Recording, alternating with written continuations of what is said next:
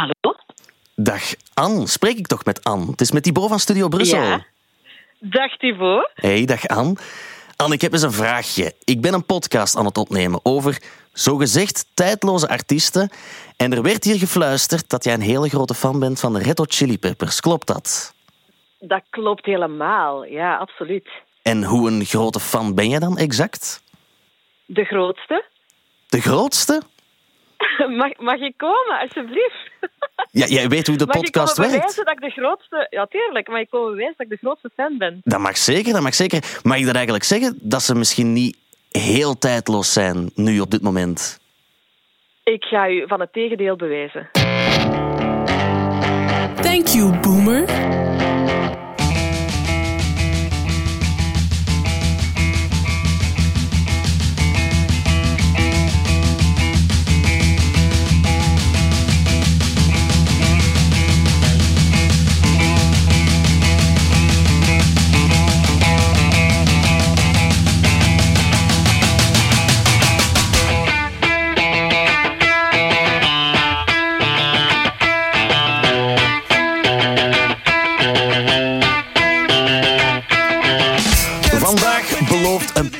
Podcast te worden, want we gaan het hebben over de Red Hot Chili Peppers. De Amerikaanse rockband die werd opgericht in Los Angeles en heeft als bekendste leden de zanger met ontbloot bovenlichaam Anthony Kiedis, de bassist Flea, drummer Chad Smith en de geweldige gitarist John Frusciante. Can't Stop, Under the Bridge, Californication, Snow.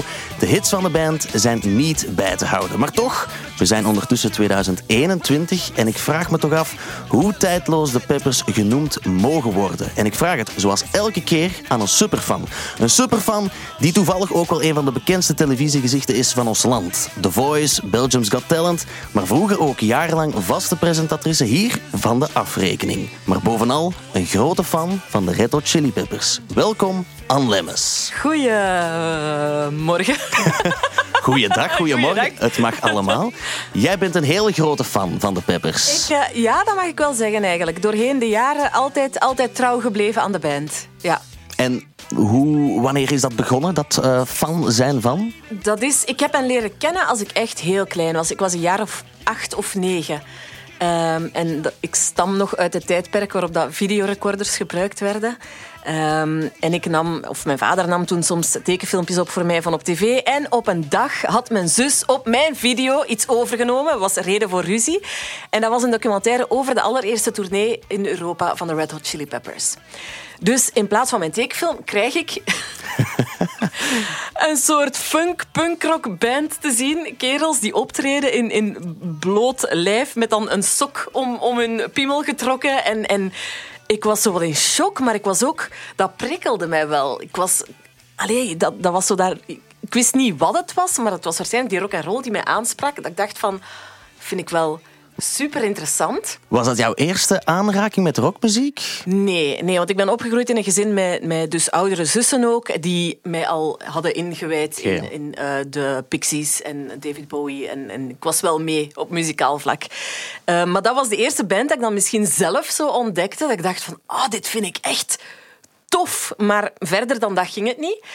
Tot ik een jaar of elf was en dan voor kerstmis van diezelfde zus eh, Blood Sugar Sex Magic cadeau kreeg. Eh, het, het album wat eigenlijk voor de grote doorbraak gezorgd heeft. Hè. En ik moet zeggen dat de initiële reden waarom ik de band zo goed vond, ik kan het niet ontkennen, is gewoon dat ik stront verliefd was op Anthony Kiedis. Ja, het was een liefde op het eerste gezicht. Dat was mijn eerste liefde en het zal waarschijnlijk mijn laatste blijven.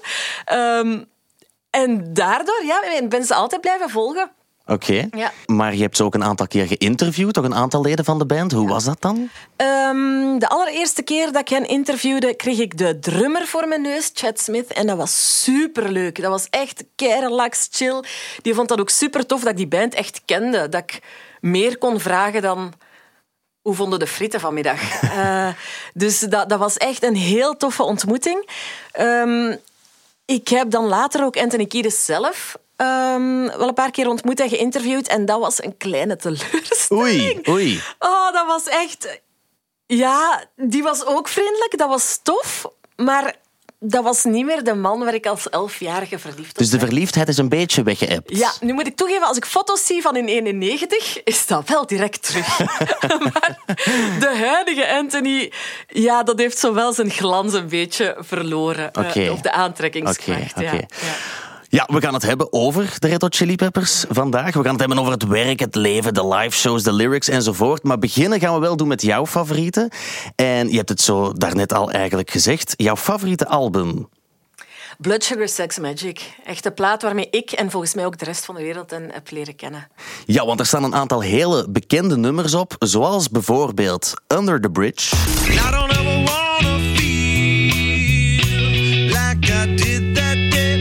Niet alleen Under the Bridge, maar ook Suck My Kiss. En vooral ook deze Give It Away. Ja, dat is wel een, een album vol met hits natuurlijk. Ja, ja dat, is, dat is een geweldig album. Dat is ook, er staan denk ik 17 of 18 nummers op. Het duurt meer dan een uur. Echt, echt een lange plaat ook.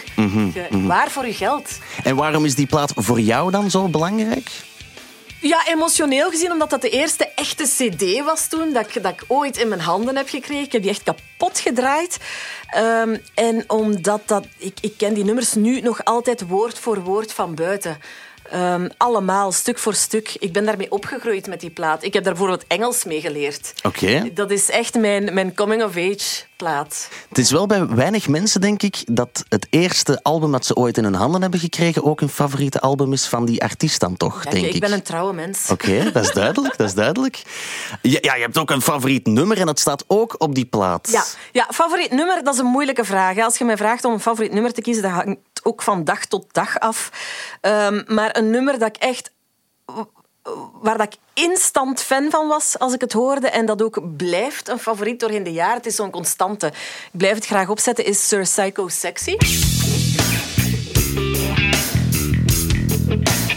Waarom exact dit nummer? Je moet je inbeelden, ik als elfjarige die dit nummer beluistert, ik moet goed naar de tekst luisteren, en dan met mijn dikke vandalen ernaast zit om te proberen vertalen waarover hij het heeft.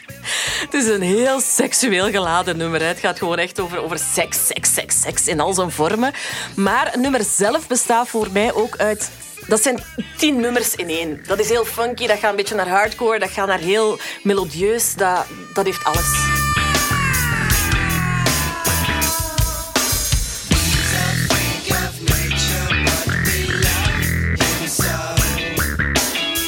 Het is ook wel het langste nummer in het repertoire van de Red Hot Chili Peppers, heb ik Langste? gezien. Ah, ja, ja. Het- want het is acht minuten en een klets lang. Ja, je moet het van, van de eerste noot tot de laatste spelen. hè. Maar ja, wat je zegt over, eh, over die tekst. Ik heb hier een stukje tekst voor me staan.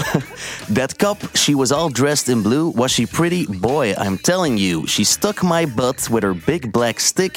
I said, what's up? Now suck my dick. Ja, voilà. En zo wist ik meteen. En wa- wat vonden je ouders ervan, dat je zo'n eh, muziek Die, beluisterde? die vonden dat verschrikkelijk, want ik had ook die poster met die, met die, met die sokken op mijn kamer hangen. En ehm, ik heb die eh, in mijn kleerkast moeten ophangen, achter mijn kleren. Zodat ze niet zagen dat ik die had eigenlijk. Oké, oké, ja. En elke avond kuste ik die. dat, dat is speciaal, dat is speciaal, maar eh, het mag, het mag natuurlijk allemaal. Ehm, Blood Sugar Sex Magic, 24 september is het album 30 jaar oud. Ja, zot. Ja, dat doet me ook denken dat ik dan opeens heel oud ben. Ehm, het blijft een klassieker. Ja, toch? Ik vind dat wel, nu, wel frappant als ik met, met jongere mensen praat, zoals u bijvoorbeeld. Voor mij is dit de plaat die hen op de kaart heeft gezet. Maar voor een generatie jonger is dat bijvoorbeeld Ja, Californication. ja. Dus dat vind ik ook wel heel, heel interessant om, om die visie te zien. Mhm. dat, dat is ook een hele nieuwe of een andere Red Hot Chili Peppers dan, dan deze. Maar het album is 30 jaar oud dit jaar. Volgens jou wel een tijdloos album Vind dan? ik wel, ja. Oké. Ja. Oké. We gaan het hebben over het werk en het leven van de Red Hot Chili Peppers. Want we hebben al een paar dingen benoemd die de muziek beschrijven van de Peppers. Maar hoe zou jij de muziek omschrijven? Valt daar een term op te plakken volgens jou? Oh.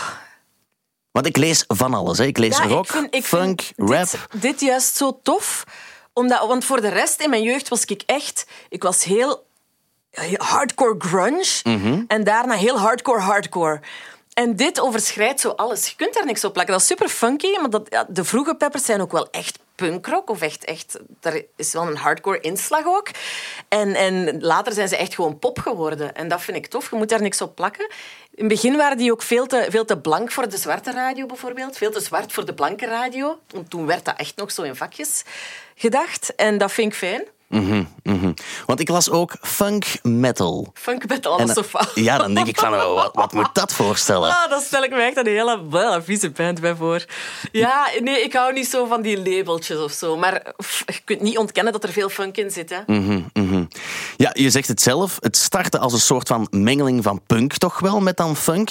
In 1983, want toen waren het vier vrienden op de Fairfax High School. Je had dan Anthony Kiedis en Michael Balzery, dat dan eigenlijk Flea is, de bassist. Maar ook Hillel Slovak, die speelde gitaar. En Jack Irons, die speelde drum. Toen waren ze net begonnen. En toen hadden ze een andere naam. Weet je toevallig welke naam? Ah, de Miraculously Masters of Mayhem. ja, zoiets. Tony Flo en de Miraculously Majestic Masters of Mayhem. Ja. Is dat een betere... Een half puntje toch, hè? Ja, is dat een- ja, zeker, maar het is, geen, het is geen quiz, je wist het. Maar is dat een betere naam dan ja, rode Hete chili hete peppers. chilipepers? Nee, de peppers. Dat is, toch, dat is toch de beste naam die er is? Ja, ik weet het niet. Vind je dat een goede naam? Ik vind Voor een tijdloze naam. band? Ja, peper in uw gat. Ja, ja zeker. Ah, peper in het gat, ja, dat moet ik goed rekenen. Ja. Dat vind ik dan wel leuk. Ze hebben ook toen in 1983 een eerste nummer opgenomen. Was toen nog een demootje. Stond ook op hun debuutplaat iets later in 1984. Out in L.A.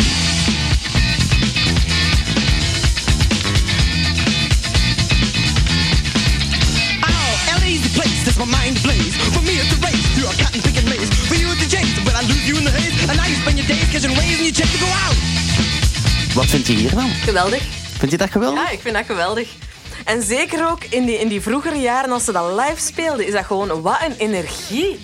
Dat is, dat is, dat is eigenlijk een aanrader om te kijken. Die, die documentaire staat gewoon op YouTube eh, over die eerste Europese tour. Is gemaakt door Bram van Splunteren, een Nederlandse journalist. En als je hen dan ziet optreden ook... eh, ze komen ook in België. Ik denk dat ze dan optreden in de, in de VK of zo. Eh, echt van die kleine zalen, zweterige zalen, waar dat iedereen vol een bak los gaat. Dat is niet te vergelijken met die stadionoptredens hè. Oh, ik vind dat geweldig.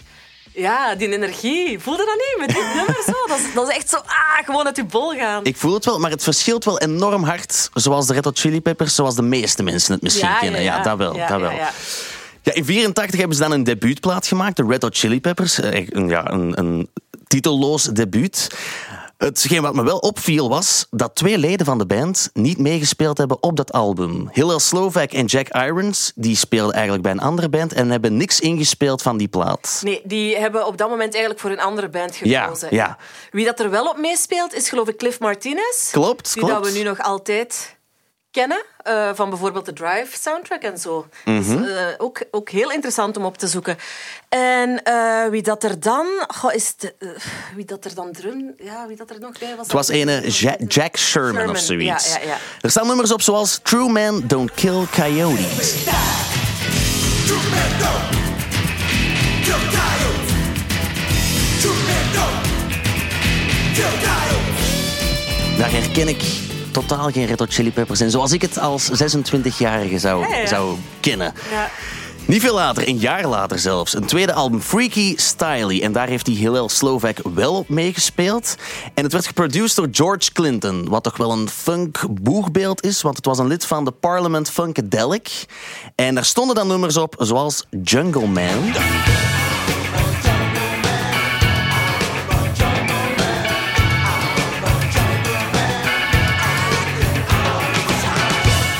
Ze zaten toen al wel serieus aan de drugs, als ik mijn research goed gedaan heb. Ja, ze hebben eigenlijk ja, altijd serieus aan de drugs gezeten. En, en het eindigt ook slecht, hè. Ja. Anthony Kiedis die zat toen al aan de heroïne. Ze, hebben toen, ja, bezig, ze waren bezig liever aan hun derde album. Ze wilden Rick Rubin ook als producer toen al. Maar die heeft gezegd, nee, die gasten doen te veel drugs. Daar ga ik me niet eh, in mengen. Ze worden wel door LA Weekly de beste band genoemd van het moment, waardoor Anthony Kiedis wel in rehab gaat. Maar om, zijn, ja, om de nieuwe muziek die ze aan het maken waren te vieren, heeft hij dan, ja, één keer doe ik toch nog eens een beetje drugs en toen was hij weer Ja. aangeslagen. Maar in 1987 dan maken ze een derde album, de Uplift Mofo Party Plan. En ja, dat was hun derde album, dat wel, met nummers zoals Fight Like a Brave. Fight like a brave, Don't be. No one can tell you. You've got to be afraid. Was nog succesvoller dan de voorgaande albums, maar je gaf het eigenlijk al aan. Ze hebben dan getoerd met het album en toen sloeg toch wel het noodlot toe voor de band. Ja, dus Anthony en Hillel waren best eh, beide zwaar verslaafd. Ja. En ehm, bij Hillel is het fataal geworden. Hè. heeft eh, een overdosis genomen en, en is overleden. En dat heeft zowel echt even die, die band wakker geschud, denk ik. Ja. Eh, ja, als je beste vriend overlijdt op, op 27-jarige leeftijd, dan Ja, komt het wel dichtbij. Hè? Anthony Kiedis die was zelf ook niet aanwezig op de begrafenis, omdat hij zelf ja, te gedrogeerd was en die moest dan serieus afkicken. Ja. Heeft de begrafenis dus niet meegemaakt. Maar Jack Irons, de toenmalige drummer, die kon niet om met het verlies van Slovak en die heeft de band toen ook verlaten. Die is later wel in een andere hele bekende band gaan spelen met de naam Pearl Jam. Maar eigenlijk valt die band dan toch een beetje uit elkaar door drugs. Ja, zou je denken. En, en ik denk dat vooral ehm Flea daarin dan een heel mooie rol heeft gespeeld en heel vergevingsgezind is geweest naar zijn vriend toe, naar, naar Anthony Kiedis dan, die eigenlijk het de jaar daarvoor enorm heeft uitgehangen en gewoon niet kwam opdagen en helemaal ja, dagenlang van die drug binges deed en, en, en ja, je kon er gewoon niet op rekenen. En dan op een moment toch gezegd van, kom aan mannen, we, gaan, we zien elkaar te graag, we doen die muziek veel te graag we zitten nu op een momentum dat we echt kunnen pakken. Laten we ervoor gaan. En dan is Chad Smith erbij gekomen, drummer. En de reden waarom dat ik misschien echt zoveel van de Peppers hou, die fantastische John Frusciante. Die was op dat moment 19. Die was enorme fan van de Peppers en van Hillel. En ja, op dat moment denk ik dat zijn droom waarheid werd van bij uw favoriete band te gaan spelen. Ja, John Frusciante, hij mocht bij de Red Hot Chili Peppers gaan spelen. Was toen nog super jong, maar het is wel een beetje de start van het succes geweest. Of, of toch wel de, de topformatie of belangrijkste line-up van de band. Ze hebben toen ook een eerste show gespeeld met John Frusciante. En ik heb daar toch een fragmentje van gevonden op het wereldwijde web.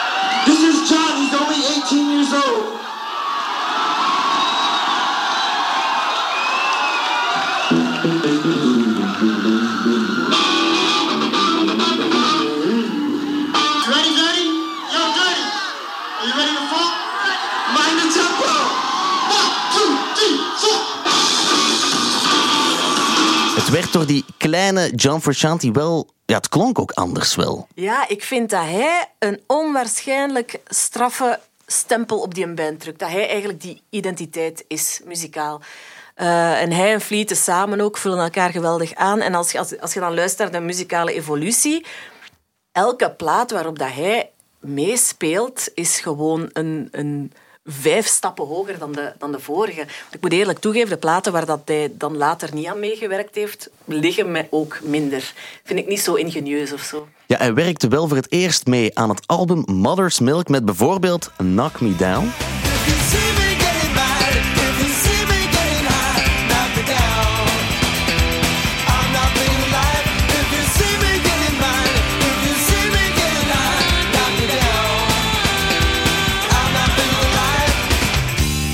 Ik heb toch opgevat dat het veel melodieuzer en harmonieuzer begon te klinken, Ja. de Peppers. Dankzij die John Frusciante.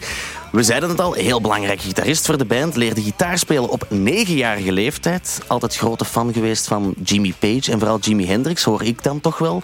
Super hard. Maar wat ik heel opvallend vond, was dat hij kon kiezen tussen gaan spelen voor de band van Frank Zappa, ook een grote held van hem, of bij de band waar hij ook wel fan van was, Red Hot Chili Peppers. En hij heeft dan gekozen voor de Peppers omdat die het rock and roll leventje leefde. Ja, alhoewel dat ik denk, Frank Zappa was ook behoorlijk rock and roll. Eh, maar ik ben blij dat hij de keuze gemaakt heeft. Flea die zegt over Frusciante in de jaren 90 het volgende over een zeer jonge John. I think it, he's dealing with it pretty well because all he, he doesn't really care about money or anything like, and he just accepts that he's in a popular band. It's just you know that's just the way it is. All the girls want to fuck him. Everybody wants to be his friend or whatever. But uh, he just you know he just sits in his house playing guitar all day. Blood Sugar Sex Magic maken ze dan. En dat is, zoals we daarnet al gezegd hebben, echt wel de doorbraak voor de band.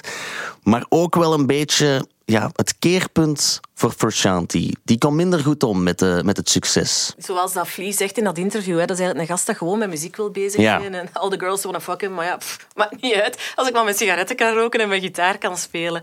En, en hij had het heel moeilijk... ehm, naar ik hoor dan of lees met eh, vooral de, de uitspattingen van de andere bandleden. Hij wou bijvoorbeeld zijn vriendin mee op tour hebben. Ja. Eh, dat kon dan niet. eh, dan werd het lastig. En, en hij had gewoon zoiets van... "Ik- Guys, ik wil gewoon muziek spelen en al die nesten rond, laat het.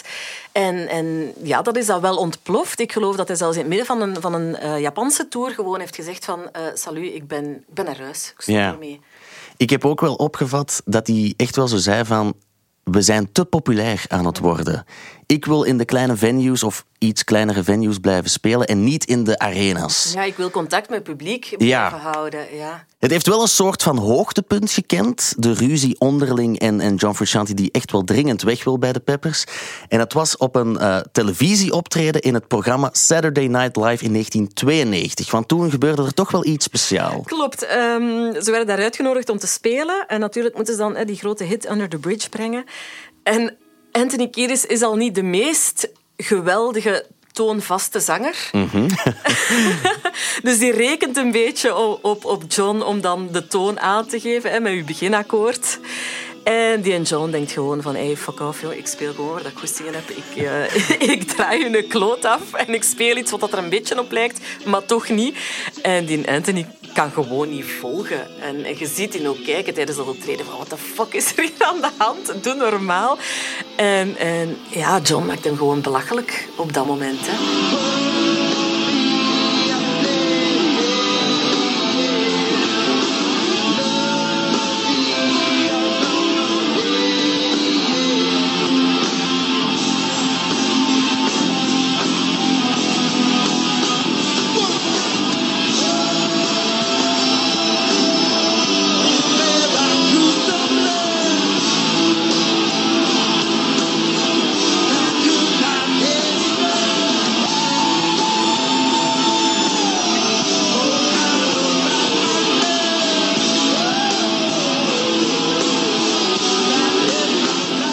Een soort van walvis die er tussendoor komt roepen. Je ziet ook echt wel Anthony Kiedis die heel kwaad aan het worden is. Langs de andere kant moet ik wel zeggen, hij boycott hier eigenlijk het televisieoptreden voor miljoenen kijkers. Maar toch klinkt het nog goed, vind Maar ik. ik ging zeggen, je moet het maar kunnen zo geniaal je optreden opfokken, waardoor dat mensen nog denken van, ja, maar eigenlijk speelt het toch nog wel iets. Ja, want hij, hij roept ze wel iets, maar ik denk, ja, het past er eigenlijk nog wel bij. Maar John Frusciante, ik ben er wel een hele grote fan van. Maar Ah, jij ook, ja? Ja, echt wel, echt wel. Hoe dat die gitaar speelt, daar kan ik alleen maar ehm, ja, mooi naar kijken. Dat is het enige wat ik kan. Jammer genoeg heeft hij dan wel de band verlaten. En is hij jammer genoeg ook wel heroïneverslaafd geraakt. Tussen 1992 en 1997 zit hij enorm diep. En op YouTube ook weer vind je beelden van eh, een documentaire die de VPRO heeft gedraaid. Waar ze bij hem langs gaan. In een periode waarin niemand iets hoort van John Frusciante. En ze hem opzoeken bij hem thuis. Is eigenlijk ook dezelfde journalist die die eerste tour gevolgd heeft. Dus die heeft een band eigenlijk onderhouden met de band. En daardoor kreeg hij ook toegang tot, tot John op dat moment. Ja, je moet dat gewoon eens bekijken op YouTube. Dat is zo schrijnend. Ik was toen veertien, toen dat, toen dat verscheen op tv. Ik heb daar maanden niet van geslapen, omdat ik dacht van... Ik ga, ik- op een dag gaat er in de krant staan dat hij dood is. Hè. Ik was daar zo slecht, want het is, het is, het is heel... Ja, je ziet een lijk, hè. Ja, hij is onherkenbaar. Zijn tanden zijn rot. Hij heeft blijkbaar een infectie in zijn mond die uiteindelijk zou uitbreiden naar zijn hersenen als hij niet zou oppassen. Hij moest al zijn tanden dus laten verwijderen. Zijn armen zitten ook onder de abscessen. Die moesten bijna geamputeerd worden. Dan denk ik van, kan toch niet dat iemand met zoveel talent uit zijn handen en een gitaar bijna zijn armen moet laten amputeren omdat hij heroïne verslaafd is? Maar hij maakt wel solo-materiaal in die periode. En ja, misschien heeft dat ook wel iets te maken met de heroïneverslaving, waarom het soms ja, speciaal klinkt. Around you nothing to do with those snakes and flakes they take we give to live.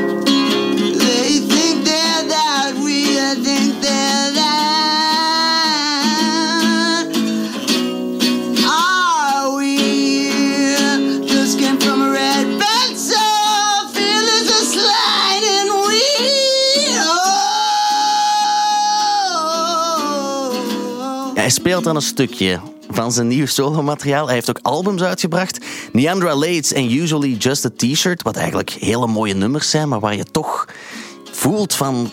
John, je bent niet goed bezig. Ja, maar het is wel een prachtige plaat. Maar je moet Ja. ja. zijn. Hè. Het is niet iets wat je heel gemakkelijk opzet. Maar ik vind dat een prachtige Mhm, plaat. Nu, zijn later... De, de volgende plaat is dan... Ik denk zelfs... Ik heb hem, maar ik denk dat je hem niet meer kunt krijgen. Juist. Smile from the streets you hold. Juist. Ik dat vond het was- ook nergens terug, ja. Dat was echt gewoon een plaat dat hij gemaakt heeft om, om zijn heroïne te kunnen betalen. Ik heb hem. maar zijn later werk is... Ja, bedoel, eens dat hij afgekikt is en terug op het goede pad is, is dat, dat is gewoon geniaal wat die gast doet. Hè? Ja, dat is- Ja, ondertussen hebben de Peppers zelf ook wel niet stilgezeten. Die hebben ook een plaat gemaakt, One Hot Minute, met een nieuwe gitarist, Dave Navarro, van Jane's Addiction. Maar ja, dat was niet echt een groot succes te noemen, die plaat. Nee, ik vond, ik vond Dave Navarro ook helemaal niet passen bij die band eigenlijk. Ik ook niet. Ja, ik ook niet. dat Precies, iemand uit Botched, zo heel raar uiterlijk ook. Niet dat, niet dat we daarop moeten afgaan, een goede gitarist, maar Gewoon het klopte niet, hè? Nee, het klopte niet. En terwijl ik Jane's Addiction op zich wel heel goed vind, maar dan Dave Navarro in de band, nee, dat ging niet. En, en One Hot Minute heb ik ook nooit gekocht. Is dat, is dat de enige plaat die je misschien niet hebt van de Peppers dan? Nee, er zijn er nog waarop dat John dan niet meespeelt in de toekomst. Maar dat ik denk de moeite heb gedaan om ze te kopen. Maar daar, ik was echt teleurgesteld. En ik weet nog dat die videoclip van ehm, My Friends uitkwam. En dat ik dacht, oh nee, Anthony Kiedis zit weer aan de drugs. Je, je zag dat in die clip. En achteraf bleek inderdaad dat dat ook weer een slechte periode was. Maar muzikaal merkte je daar ook van, ja, dat, dat, dat is niet zo geolied als dat het ervoor was. Ze gingen ook toeren met dat album, maar Chad Smith heeft toen zijn pols gebroken. Dus er is geen grote tour van gekomen. En niet veel later heeft Navarro de band zogezegd ja, verlaten nadat ze het samen overeen zijn gekomen. Maar de band staat op dat moment wel op het punt om te stoppen. Maar dan is er een zekere Flea in de band die zegt: Goh, wat als onze John nu toch eens terug zou komen? En ja, dan komt eigenlijk toch wat jij ook hebt doorgegeven als het meest carrière-definiërende werk. Frusciante is afgekikt van de drugs en dan brengen ze een album uit, Californication.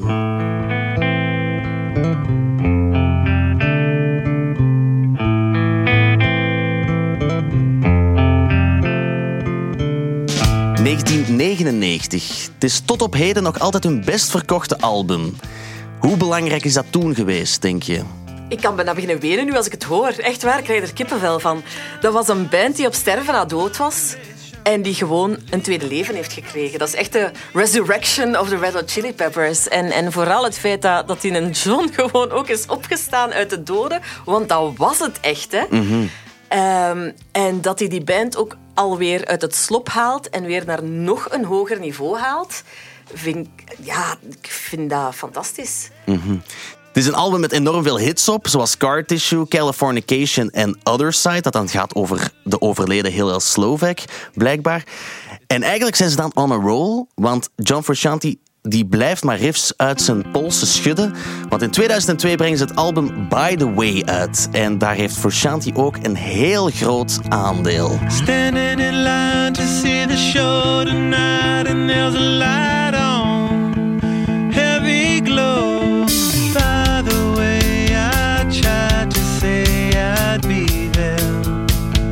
waiting for. Een album dat dan wel geproduceerd wordt door Rick Rubin. Die denkt, goh, hier zit het precies toch iets beter met de mannen.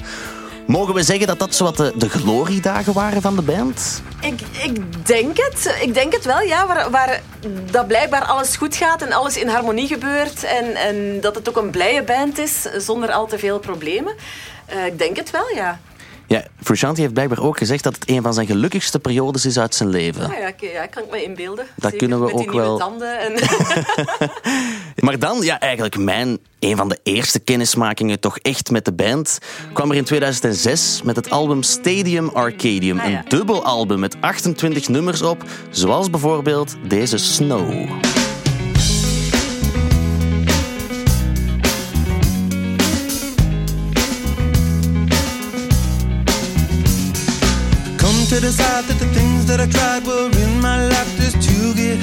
Ik had zo de clipjes van Can't Stop en zo had ik al wel gezien op de tv, maar vanaf Snow en Danny California was ik wel helemaal verkocht. Ja, echt. En Snow vind ik juist een van de nummers dat ik denk, oh my god. Ah, echt? Hier, uw teksten zijn echt beneden alle Oh, maar over de teksten gaan we het straks nog hebben. Maar dit is wel het album waar ze vijf Grammys mee Ja, hebben gewonnen. ja, absoluut. En, en je merkt ook dat hun, hun, ja, hun muziek veel toegankelijker wordt. Of zo. Die, die, die kleine punkrock en hardcore stukjes zitten er nog wel tussen. Er zitten nog wel nummers tussen, maar dat gaan nooit meer de grote hits zijn. Het is wel heel poppy misschien. Ja, ja. voor het grote publiek. Ik denk het, ja. Er staat natuurlijk ook wel het andere bekende nummer op Danny California. California,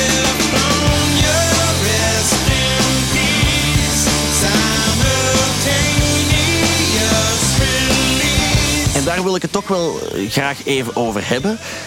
Dat nummer alleen heeft twee Grammys gewonnen. En het vertelt het verhaal over een zekere Danny. Een, een meisje dat ook al voorkwam in de lyrics van eh, Californication en By the Way. Eh, ik heb het ook nog geplaybacked op sportklasse vroeger. En dan had ik ook zo'n zwart hemdje aan met een witte plastron, zoals Anthony Kiedis soms deed.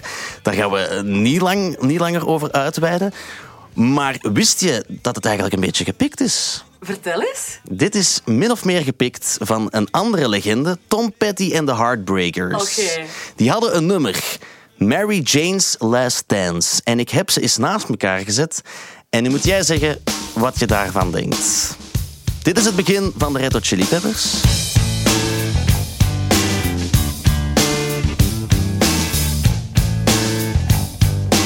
En we gaan over naar Tom Petty.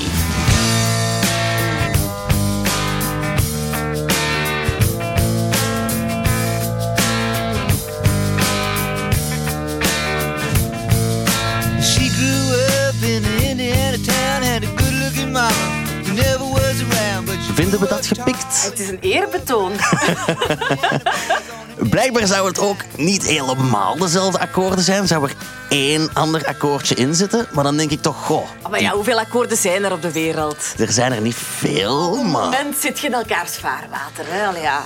maar we mogen wel zeggen dat het heel hard op elkaar Het lijkt. lijkt op elkaar. Wat zegt Tom Petty er zelf van? Tom Petty heeft de band nooit aangeklaagd wegens plagiaat of zoiets. Er was ooit blijkbaar controverse van dat hij dat wel ging, do- ging doen. Maar hij heeft toen gezegd, ja nee, laat maar zitten. En wel, dat is gewoon. Dat is een schone, schone gest eigenlijk. Hè? echt, Want ja. twee Grammys waren eigenlijk voor Tom Petty, denk ik dan. Dat vind ik nu niet. is misschien een beetje overdreven. Na Stadium Arcadium, ja, dan is er wel een hele lange pauze geweest. En dan, ja, dan is die John Frusciante opnieuw weg. Ja. Ja, jammer. hè. Maar niet om aan de drugs te zitten, toch? Niet om aan de drugs te zitten. Hij wou, hij wou zich dan focussen op, op ja, zijn solo-platen, hè, zijn solo-werk. Wat ook eh, volledig terecht, want hij, hij scheidt echt muziek. Hè. Allee, daar komt echt de ene plaat naar de andere uit. Dus ik snap dat hij druk heeft. Ik vind wel dat ze voor een waardige vervanger gezorgd hebben. Eigenlijk ook, ook een beetje een, een John Adept, denk ik. met Josh zeker. Kling- hè? Eh, Josh Klinghoffer, ja. Klinghoffer. Ehm, ik vind dat ze veel van elkaar weg hebben, maar voor mij is dat dan niet dat unieke Peppers-gehalte. Ik weet wel, Josh Klinghoffer die was geen onbekende voor de band, want die ging tijdens de Stadium Arcadium Tour was die al mee als backing muzikant. En hij heeft ook eh, meegespeeld op soloplaten van John Frusciante. Eh The Empyrean bijvoorbeeld, ben ik zelf hele grote fan van. Maar ja, dat is, zoals je zegt, is dat- ja, kan je John Frusciante vervangen? Nee, en wel ja, de, dat stukje magie dat je ergens hebt, is dan weg. En, en dan blijkt toch dat, dat niet elke muzikant vervangbaar is en dat er toch een geheim receptje is waardoor dat iets werkt en waardoor dat iets niet werkt. En je, je merkt dat ook aan, aan hun succes als hij erbij is of er niet bij is. Ja, want ze maken wel twee albums nog. 2011 I'm With You met bijvoorbeeld Adventures of Raindance Maggie op. En in 2016 het album The Getaway met Dark Necessities.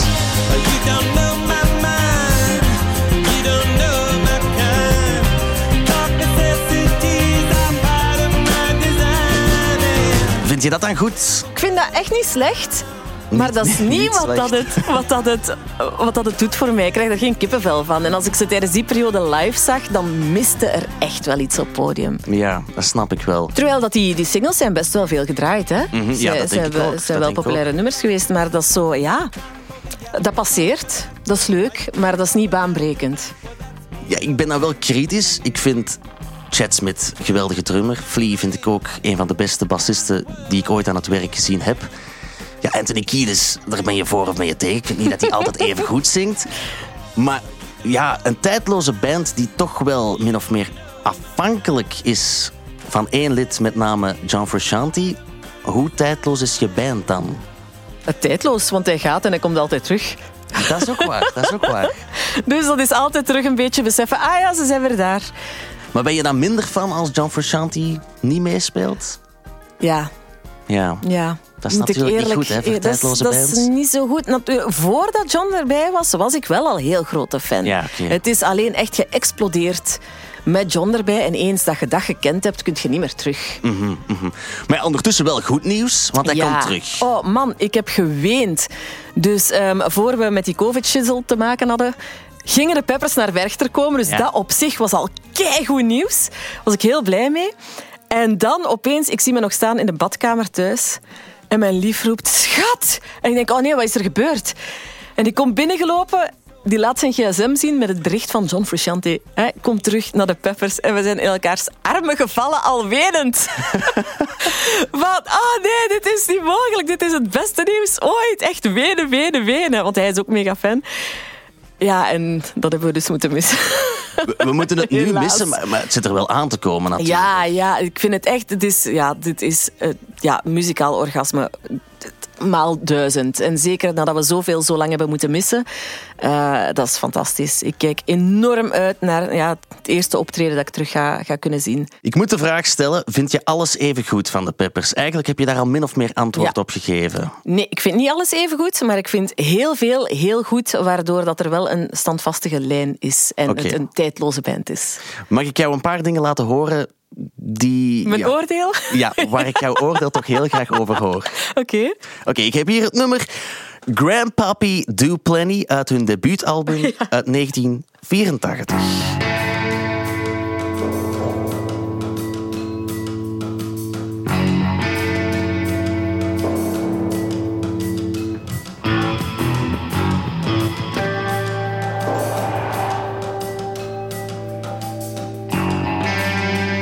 Begint nogal mysterieus. We zijn dan een halve minuut ver. Dan denk ik, nu mag het wel gaan komen. Maar ik ga toch een beetje doorspoelen in dit vier minuten lange nummer.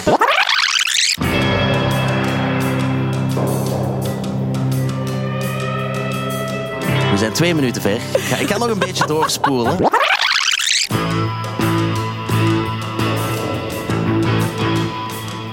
We zijn drie minuten ver. Ik ga toch even naar het einde gaan.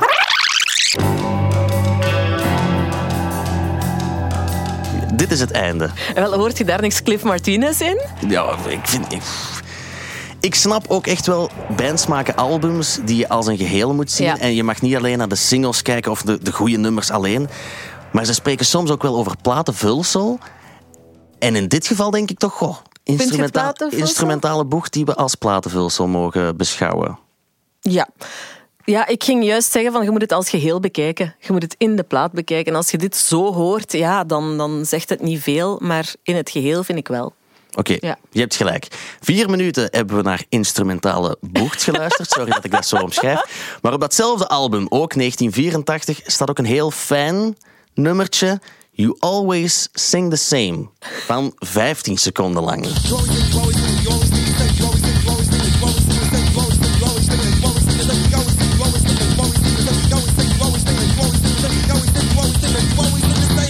Een uitsmijterke? Ja, ik zeg 15 seconden lang, maar eigenlijk is het maar 10 seconden lang, denk ik. Wa- Wat vinden we daar dan van? Is dit... Ik vind dit peppers. Oké. Ik vind dit vroege peppers, ja. Oké. Ik ga misschien ook een nummer uit Californication laten horen. Dat is dan toch wel de plaat die iedereen goed vindt. Maar er is één nummer dat ik denk, oh, ja, Fat Dance.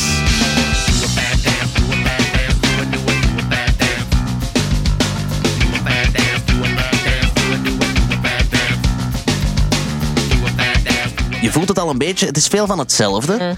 Wat is een fat dance, denk je? Geen idee, maar dit is ook een van die nummers waar dat ik op verder spoelen druk als, als het passeert. Ik heb ook wel een We gaan zo meteen naar de lyrics, maar ik heb een klein stukje van de lyrics ook eruit gehaald, omdat ik het toch wel vrij ondermaats vond. Another reason why I love your ass. You're dancing like every day could be your last. Do ya, do ya, do ya wanna dance? Let's get it on like black trash. Ja, soms zit hij er zo naast. Hè. Eigenlijk is Anthony soms wat de zwakke schakel van de band. Ja, ja. En dat is heel raar, want dat is zo'n sterke frontman. Dat is eigenlijk het gezicht van de band. En niemand, ja, iedereen denkt aan hem. En toch, hij wordt echt heel erg gedragen door zijn muzikanten. Hè. En qua zang wordt hij ook heel vaak gered door John. Ehm, en soms valt hij door de mand. Je bent hier natuurlijk wel niet de argumenten aan het geven die eh, de tijdloosheid van de Oh, Peppers- waarom? Ja, zwakke schakel over de frontman is natuurlijk wel... Hoor je niet vaak. Maar zwakke schakel zijn en dat toch zo goed kunnen verbergen... Oké, Het wordt perfect opgevangen, hè? Oké, oké, daar heb je een punt. Daar heb je een punt. Maar de lyrics, want dat is ook niet onbelangrijk. We hebben het er al een paar keer over gehad. De teksten, ja, die zijn ja, toch wel om het over te hebben. Ik zal het zo Ja. zeggen. En ik heb jou gevraagd naar jouw favoriete tekst. En die komt uit Californication. Destruction leads to a very rough road, but it also breeds creation. An earthquake's out to a girl's guitar, that's just another good vibration. And tidal waves couldn't save the world from Californication. Dat waren jouw favoriete lijnen uit, Mhm. de, uit het nummer. Destruction leads to a very rough road, but it also breeds creation. And earthquakes are to a girl's guitar, they're just another good vibration. And tidal waves couldn't save the world from Californication. Ja, ik vind dat dat perfect opsomt wat de peppers zijn. Ehm, die, zijn die zijn eigenlijk ontstaan uit, uit, uit chaos, uit vrienden verliezen, uit zware drugsproblemen, dood. ehm, elkaar de duvel aandoen en daar komt dan toch zoiets schoon uit. en, en dat somt de band op, vind ik. En, en wat betekent die Californication eigenlijk? Dat vind ik ook iets heel pepperigs. Als je aan de peppers denkt, denk de California. Dat ademt dat. Dat is hete lijven, surfen, strand, eh, seks. Dat, dat is gewoon wat dat zij zijn. En, en wat dat zij daarmee bedoelen is iets meer, ja, het Californication, ook het, het oppervlakkige maken. Hè? Ja, het gaat wel zo over Hollywood die, die u eigenlijk... Een, een schijn voorhoudt Ja, die, ja. ja, die, die heel tof klinkt en dat eigenlijk heel veel ellende herbergt. Je hebt natuurlijk het nummer Californication. En wat mij dan toch wel opviel, nog voor ik ja, de voorbereiding aan het maken was voor dit gesprek. Er is wel heel veel California bij de Peppers, toch? Heel veel, ja. Ja, die zijn verweven met California. Ja. Maar toch wel dat je denkt, goh, Te veel? niet elk nummer moet California zijn, toch? Nee, maar ga elk nummer over California? Ook weer dankzij het internet vind je toch wel ja, compilaties van hoe vaak Anthony Kiedis Oh, heeft over California. in California. California. California. California, California. California. California, California, California, California. California, California, California, California. California. California, California. California, California. California. California.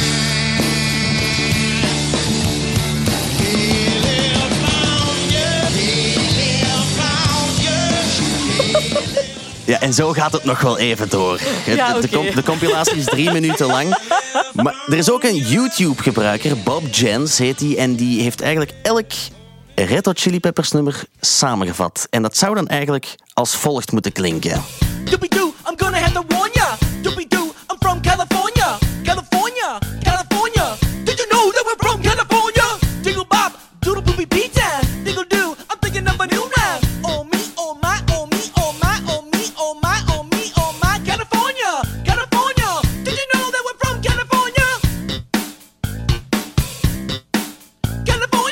Accuraat Dat is is wel geniaal, eigenlijk. Daar, daar spreekt ze toch heel veel over, hè? Ah, ja, ja. ja, ja. Is dat een soort van obsessie? stoort het niet. Nee, Oké, ja. Ik vond het heel grappig. Ja, nee, mij stoort het niet. Maar er zit ook wel veel nonsens in de lyrics, Ja. toch? Ja, daarmee dat ik het daarnet over die Snow had. Hè? Als je zei van, ja, dit geweldige nummer Snow. Ja, Als ik dat hoorde, dacht ik, oh, inspiratie is op precies. Ja, ze hebben, er zijn best wel wat teksten dat ik denk, ja, dat is gibberish, dat is gewoon niks. Maar dan daartegenover staan echt geniale teksten. Eh, zoals een Sir Sexy bijvoorbeeld. Ehm, dus het gaat van het ene extreme naar het, naar het andere. De nonsens moeten we misschien toch ook even... Even in de spotlight Ja, zetten? ja, toch wel, toch wel. Je hebt het nummer Suck My Kiss van Blood Sugar Sex Magic uit 1991.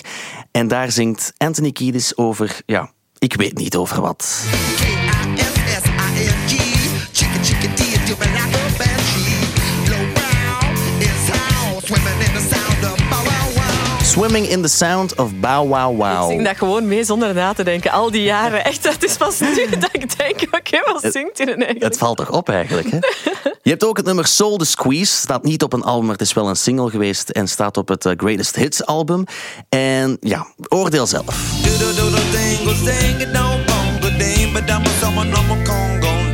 Heb je, het- heb je het gehoord? Ja, ja, ja.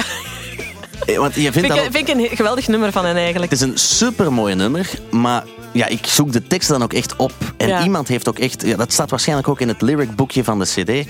Maar het is dus Boodoo Dingle Zinga Dong Bone, Badi Bada Bazumba Kranga Kong Gone Bad.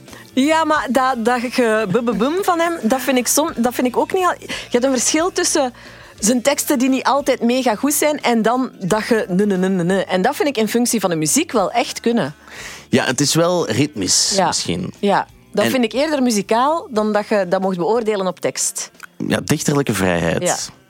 Maar ik weet niet of je dichterlijke vrijheid vindt in het nummer Around the World, ook van Californication toch? En nu dacht ik ook van, goh, dat is toch geen tekst?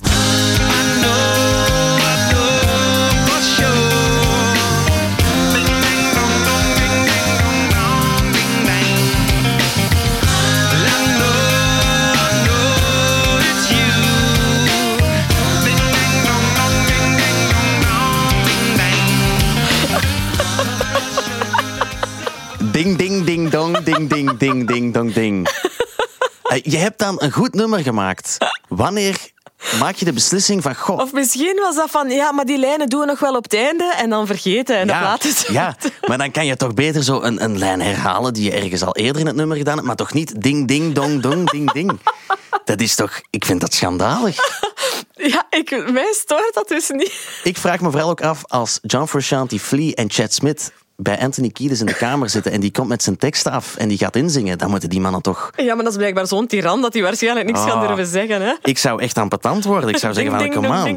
En die gast krijgt daar sabam voor, hè, voor zo'n dingen. Hè. Zwat. Hij heeft ook heel veel nummers gemaakt over seks, die Anthony Kiedis. Het is toch een, een vettig manneke te noemen? Ja, wel. Ik ging zeggen, ik was er vroeger zo verliefd op. En dat heeft heel lang geduurd. En die fysieke aantrekkingskracht kracht is er nog, als ik kijk naar hem vroeger. Maar nu vind ik het gewoon wat vies worden. Want hij wordt ouder en is een pak ouder. En de meisjes aan zijn arm blijven, blijven pubermeisjes. En uh, nee, nee. Ja. Daar ben ik niet in mee. Ik vraag me af, ben je fan van het nummer Sex Rap? Dat staat op Uplift Mofo Party Plan, denk ik. Het album ervoor, het Freaky. Styling. Ja, ja, ik ben er wel fan van. Ja. Ben je ook fan van deze tekst?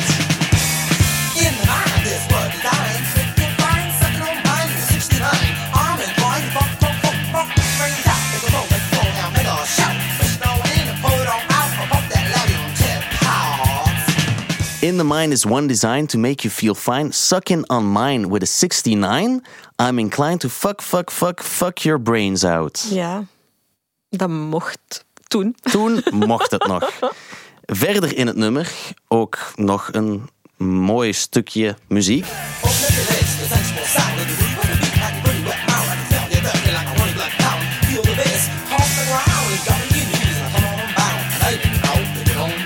Just drop your knees and come unbound. And now you make your mouth to get on down. Zeg, maar nu moet je niet de preutsen uithangen. Hè? Alsof, alsof dat jij nooit genoten hebt van een goede portie wat dat hij daar beschrijft. Ja, dat, dat- We moeten eerlijk zijn. we moeten eerlijk zijn. We moeten eerlijk zijn. Maar er was wel één stukje dat seksueel getint is, waar ik echt van dacht: heb ik dat nu goed gehoord? En achteraf heb ik dit nu goed gelezen? Komt uit het nummer Purple Stain. En ja, het is ook wel weer van Californication, dat hele goede album. Two finger paint is not a sin. I put my middle finger in your monthly blood is what I win. Heb je dat gehoord? Ja, ja, ik heb dat gehoord. Ja. Eh, Heb je, heb je echt gehoord wat hij zegt? Natuurlijk, ja. To finger paint is not a sin. I put my middle finger in. Your monthly blood is what I win. What the fuck? Ieder zijn ding, hè. Dat is, maar dit kan toch niet? Dat vind ik echt, dat vind ik echt gewoon vies. Dit. Want dit is niet van, oh, dit heb je toch wel eens meegemaakt. Nee? Ik hoop, ik hoop jij ook niet.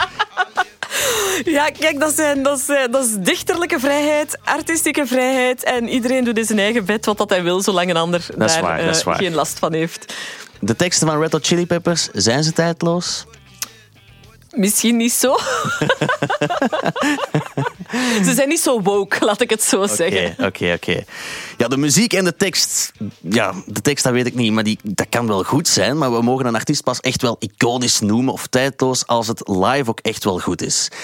Hoe vaak heb jij de Peppers al live gezien? Oh, ehm, best al heel wat keren. Eh, de eerste keer was ik nog heel jong. Ehm, was denk ik vlak nadat John de band verlaten heeft. Ehm, dat was met Arik Marshall. Dat was zo'n vervanggitarist die er, die er toen bij speelde. Dus voor die One Hot Minute. En de meest recente keer was denk ik de laatste keer dat ze in België waren. Dus, en daartussen elke keer eigenlijk. ehm, Want ze speelden in 2016 ook op eh Rock Werchter. Toen heb ik het ook gezien. Ik ben daar toen ook naar gaan kijken. En ik was heel blij dat ik eindelijk de Peppers is live aan het werk ging zien. En je ziet dan natuurlijk Flea, altijd heel kleurrijk met zijn koepen en zijn plunje. Maar ik begon mij een beetje te storen aan dat het drie uur lang duurde. En dat ze ontiegelijk lange jams hadden tussen de nummers door. Ah ja, Dat is zoiets wat ik nog, nog niet vaak gezien heb bij bands die zo groot zijn. Dat die besluiten om misschien wel ja, een uur van een drie uur lang, lange set... zo te beginnen jammen en zo wat te, te experimenteren. Terwijl oh, dat heeft mij toen niet gestoord eigenlijk. Maar het is wel een jamband, toch? Ja, ja, ook, ja. ja. Vind je dat dan elke vind ik- keer Ik leuk? vind dat tof, ja, dat die, dat, dat die muzikanten elk ook hun moment echt krijgen om hun ding te, te Het, doen. het is voor jou geen, Dat is geen geen probleem, maar ik weet ook in welke toestand dat ik was op Rechter 2016. dat kan ook aan mij voorbij gegaan. Ik weet heel goed, dat was, eh, ik ging toen combi en het was op zondag, het was de afsluiter van het Ja. festival. En ik stond toen te kijken en ik was echt aan het denken, amai, mijn benen beginnen zo wat pijn te doen. Oh, echt? Ah, ga ik hier nu naar blijven kijken, want dit duurt wel heel erg lang. Oh, dat is jammer. Ja, nee, ja, dat, dat gevoel ken ik niet. Nee, maar ik ben ook de gek die ook alles luid staat mee te brullen en te gillen. En ik, ja, dat is mijn drie uur, vijf uur, zeven uur. Ik doe het. In de begindagen, moeten we het toch nog over hebben, was er ook een hele duidelijke dresscode die ook in jouw kleerkast hing. Socks on cocks. Mhm. Het is wel iets waar de band heel bekend mee is geworden. Live speelden ze compleet naakt met dan toch een sok over een piemel getrokken. Ja. Ik vraag me dan altijd af, maar hoe blijft dat dan zo goed hangen? Ja, Ja, dat is iets wat ik mij al altijd heb afgevraagd. Jij zit er misschien meer vertrouwd mee, of je kunt mij daar beter op nee, antwoorden. ik, ik Denk weet het niet. Ik, ik zou Moet je niet toch hele goede sportkousen hebben ook? Ja, en ik denk dat ze dan ook wel een rekkertje nodig hebben om Ah, ja, het allemaal op hun plaats ja. te houden. maar ja, maar dan toch... Maar, maar vind je dat... eh, ehm, hoe moet ik dat zeggen? Vind je dat tijdloos? De sokken... Socks on cocks? Ik weet niet, zou het nu nog passeren? Ik weet dat Ashbury Faith, die band van Axel Peleman, het ook deed. Dan later in de jaren negentig. Nadoeners eigenlijk al. Ja, ja. Ehm, zou het nu nog passeren? Ik, ik zou het niet erg vinden, moest het nu nog gebeuren. Nee, ik zou het helemaal niet erg vinden. Want het zit toch ergens op de grens tussen... Ja, het is rover of het is kinderachtig. Kunst kunnen we het niet echt noemen, Nee, het is ik. gewoon, het is zotte, zotte gasten. Allee, bedoel, whatever, hè. het is spielerij. Hè. Ik vind, ik- het verhaal erachter vind ik wel leuk. Ze moesten toen in 1983 spelen in een stripclub, de Kit Kat Club. En ze hadden eigenlijk niet veel goesting in het optreden, omdat ja, mensen kwamen niet voor een band, die kwamen voor de strippers. En toen dachten ze van, goh, die strippers hier doen aan hun kleren uit, waarom doen wij niet hetzelfde? En toen hebben ze dat optreden op die manier gespeeld, met de sokken rond de piemel. Ehm, maar dan denk ik, ja, dat is leuk voor een keer. Ze hebben daar ook heel veel naam mee gekregen. Maar... Ik zou dat wel geweldig vinden, moesten die dat nu zo nog eens een keer doen. Ja, want ze zijn Ja. ermee gestopt in 2000. Ja, ik zou dat wel, ik zou dat wel tof vinden. Ja, de toekomst hangt eigenlijk een beetje samen met hetgeen waar we het al over gehad hebben. Frusciante is terug. Er zou ook een nieuw album aankomen. Wat gaat er gebeuren volgens jou?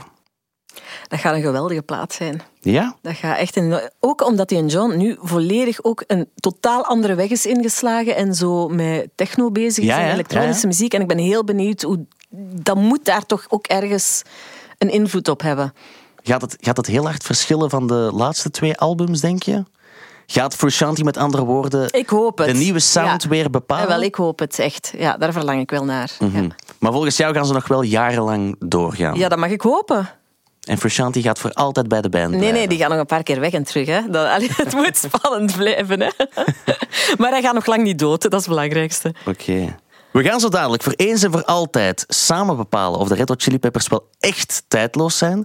Maar voor we dat doen, geef ik jou toch nog de kans om drie argumenten te geven die ja, de luisteraar die misschien nog niet helemaal overtuigd is, over de streep te trekken. Oeh, ehm, drie argumenten. Het feit dat het gewoon echt een, een super energieke band is. Dat, dat, of dat het nu juist gezongen is of niet, of dat er nu lang gejamd wordt of niet. Die energie dat je krijgt van die band vind ik absoluut super tof. Zowel live als op plaat. Ze gaan ervoor. Ze gaan ervoor.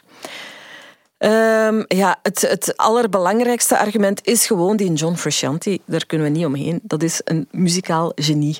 En gans de wereld moet die mens kennen en adoreren en worshipen. En voor de mens die dat hij is, want dat is ook zo'n mooie mens ook gewoon. En het derde argument is... Het is ook echt gewoon rock and roll. Hè. Alle verhalen die er rondhangen, de seks, de drugs, de rock and roll, dat, dat is gewoon de peppers. En ik ben blij dat ik als kind met die vibe ben opgegroeid eigenlijk. Dat heeft mij goed geshaped voor de rest van mijn leven. Oké, drie hele mooie argumenten. Dan zijn we aanbeland bij het slot pleidooi.